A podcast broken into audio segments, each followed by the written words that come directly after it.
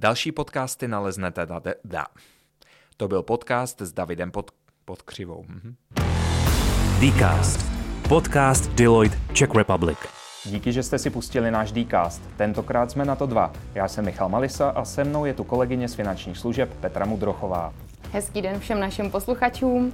Dnešní host David Kopřiva, v minulosti vrcholový veslař, který v roce 2004 dobil Atény a získal stříbrnou medaili na letních olympijských hrách v kategorii párová čtyřka. Po úspěchu v Aténách zanechal jakožto absolvent fakulty financí a účetnictví VŠE své úspěšné sportovní kariéry a vstoupil do světa korporátních financí a kontrolingu. V současnosti působí jako senior manažer telekomunikačního gigantu Deutsche Telekom, kde má na starosti výkonnost čtyř ceřiných společností. David je tak živoucím příkladem, jak lze na výborné sportovní výsledky navázat neméně úspěšnou pracovní kariérou. S Davidem se několik let známe a proto zůstaneme utykání i v tomto rozhovoru. Ahoj Davide, vítej v našem podcastu. Ahoj Petro, hezké odpoledne, děkuji za pozvání. Dobrý den.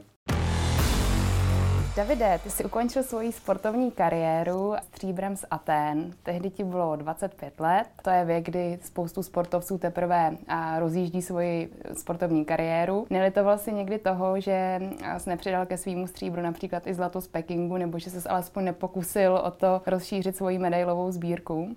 Nelitoval, já jsem to tom měl poměrně jasno. Teď vlastně jsme tady kousek od budovy Vysoké školy ekonomické. Já jsem dva měsíce před olympiádou dělal státnice a promoci a věděl jsem, že jakmile skončím olympiádu, tak chci nastoupit do práce. Já jsem nebyl nějaký moc velký jako talent na veslování a věděl jsem, že kdybych prostě další čtyři, pět let tu sportovní kariéru prodlužoval, tak by mi uteklo něco jiného. Takže to bylo jako úplně jednoznačný a viděl jsem, že jenom přijdu z jedné kariéry do druhé. To je dobrý si uvědomit, kde jsou vaše limity, ale jste byl dobrý, že jste byl na olympiádě. To není zase tak jako malý talent. To jo, stříbrná medaile z olympiády, to bych úplně nenazývala no. malým talentem. Máte možná pravdu, ale kdybychom se podívali dva roky před tou olympiádou, tak uh, by asi jako málo kdo si třeba vsadil, že tu medaili mít budeme. To se prostě sešlo strašně moc dobrých faktorů v jeden okamžik, že se to povedlo. A já jsem třeba věděl, že další rok, nebo byl jsem si jistý, že další rok by v té lodi pravděpodobně neseděl, protože tam bylo spousta dalších individuálně lepších veslařů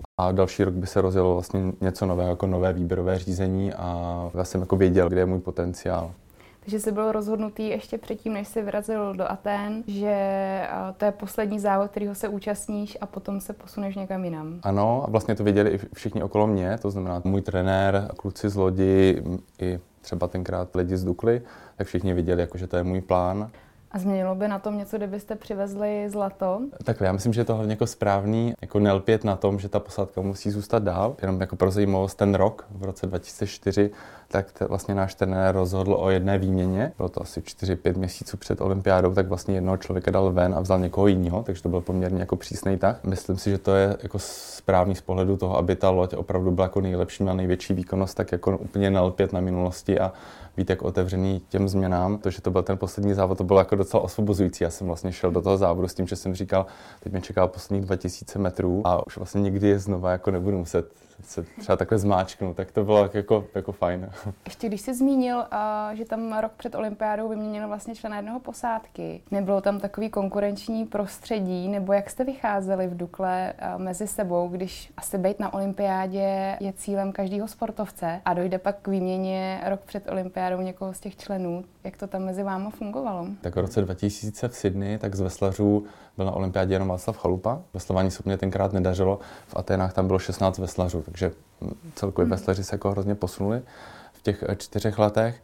A někdy dva roky před tou olympiádou začalo probíhat něco jako konkurs na, na tu párovou čtyřku, protože hodně těch sportovců cítilo, že tam je šance na tu olympiádu se vůbec kvalifikovat. V té době to bylo hmm. jenom o tom se tam kvalifikovat. Bylo třeba 10 lidí opravdu hodně vyrovnaných a všichni jsme jako bojovali se tam dostat. V roce 2003 teda se vytvořila nějaká loď, tenkrát uh, nějak jsme zrovna vyšli a my jsme vzali stříbro na mistrovství světa, což byl obrovský úspěch. Najednou všichni si říkali, aha, tak teď z toho by to mělo cinknout na olympiádě. Takže vlastně i my čtyři, my jsme spolu vycházeli jako velmi dobře tak jsme možná jako mentálně i byli, jo, tak už to tam máme, jedem na tu olympiádu a jedem bojovat o medaily. Pak asi trenér, my jsme vlastně ruského trenéra, Sergej Kruťakov, tak eh, v nějaký moment asi poznal, že jsme možná jako mentálně trošku slevili. Něco se mu tam nelíbilo a vlastně provedli jednu výměnu a pro nás jako to bylo obrovský nastartování, že jsme viděli, že až do poslední chvíle nic není jistého, že prostě klidně měsíc před závodem ještě může dojít nějaký změně. A pak jsme byli takový jako hladoví všichni čtyři. Jako vycházeli jsme spolu velmi dobře, ale vzájemně jsme se pořád jako hlídali a každý se snažil jako ohlídat to, aby jsme prostě to nevypustili do poslední chvíle, jako tu přípravu a, a to naladění až na ten finálový závod to, jako tam měli. Využíváte tady těchto zkušeností potom v tom biznesu, v tom managementu třeba lidí nebo managementu vaší práce? Ano, ano i ne, jsou tam jako některé aspekty. Když eh, jdete sportem, sportovní kariérou, tak jako jsem třeba šel já, tak si jako hrozně moc odříkáte, takže máte jako vrozenou zažitou nějakou vytrvalost a odolnost proti stresu. Kdybych zmínil třeba to finále, tak jako to byl takový tlak jako z pohledu nervozity jsem v životě nezažil, takže to už se mi jako nikdy nestalo potom v profesní kariéře. Takže to jsou jako aspekty, které určitě jako využívám. Na druhou stranu, eh, když jste v práci a musíte komunikovat s lidma, tak to je něco, co v tom sportu tolik nepotřebuje. Tam se prostě jako zmáčknete a nemusíte se nikoho vlevo, vpravo ptát, někomu něco vysvětlovat, tam prostě odvedete ten svůj výkon. Tak z tohohle pohledu je to asi jako jináčí. Jináčí nebo jednodušší? Možná jednodušší, jo.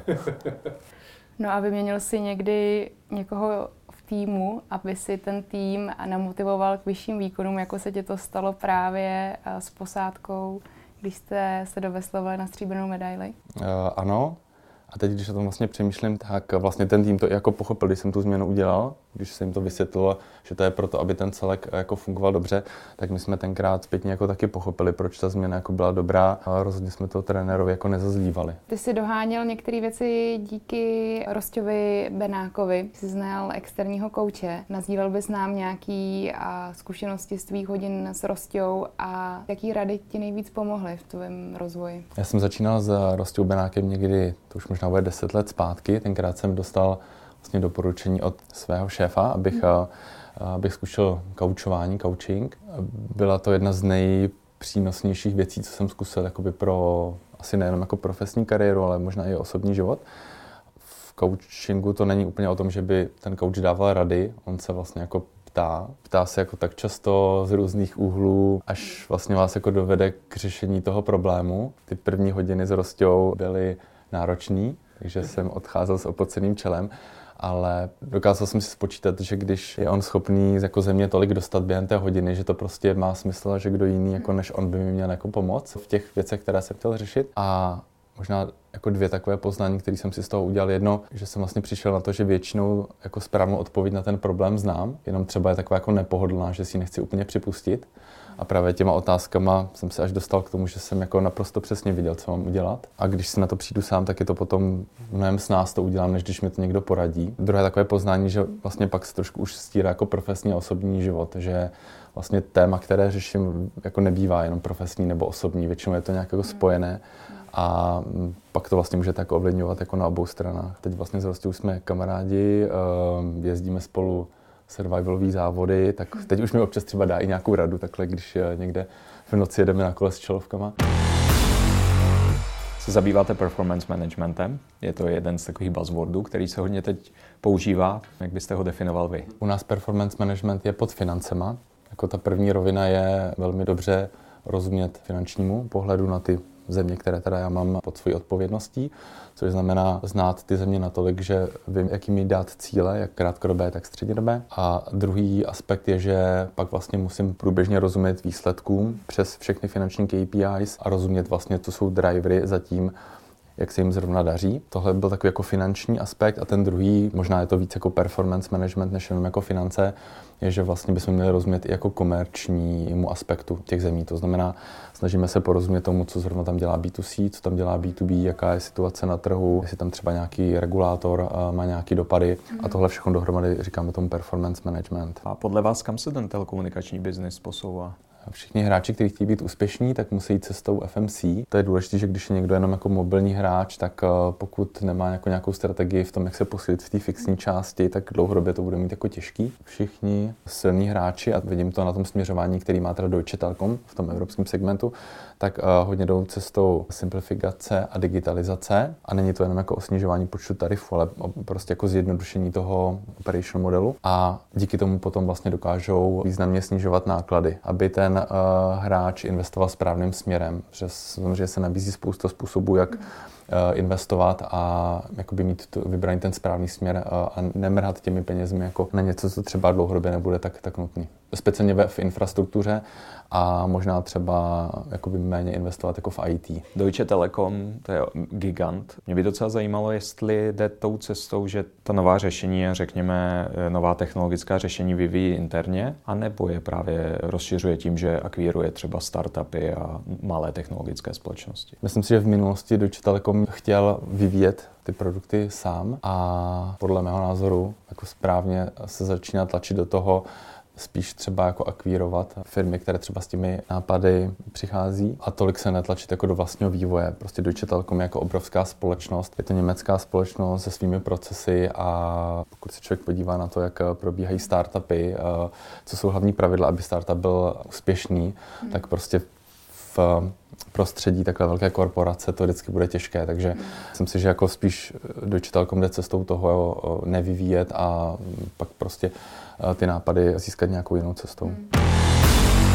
Možná se vrátím k vaší sportovní kariéře trochu. Kdy vlastně padlo, nebo co bylo tím rozhodujícím jakoby momentem, kdy jste se rozhodl, že budete budovat kariéru v biznesu a ne ve sportu? Já jsem o tom asi takhle někdy jako nemusel přemýšlet. Já jsem se docela dobře učil, neměl jsem nikdy s učením jako problém. Vlastně když jsem začal studovat vysokou školu, tak ve stejné době jsem uh, vesloval, takže jsem v té době byl jako jeden z mála, co pendlovali mezi Smíchovem, uh, Jižňákem a, a tady Žižkovem, abych stíhal všechno. Takže já jsem jako věděl, že nechci tu sportovní kariéru natahovat, protože bych neměl do čeho v vozovkách píchnout potom. Hmm a e, věděl jsem, že ve chvíli, kdy skončím, vlastně jsem to vždycky bral tak, že veslování budu dělat, dokud budu studovat a ve chvíli, kdy dám státnice a udělám promoci, tak e, že prostě potom jako nastoupím. Možná, kdyby to vycházelo tak, že by olympiáda byla o rok po promoci, tak bych třeba rok počkal, ale jinak e, jsem se vlastně takhle ani nemusel moc jako rozhodovat a, a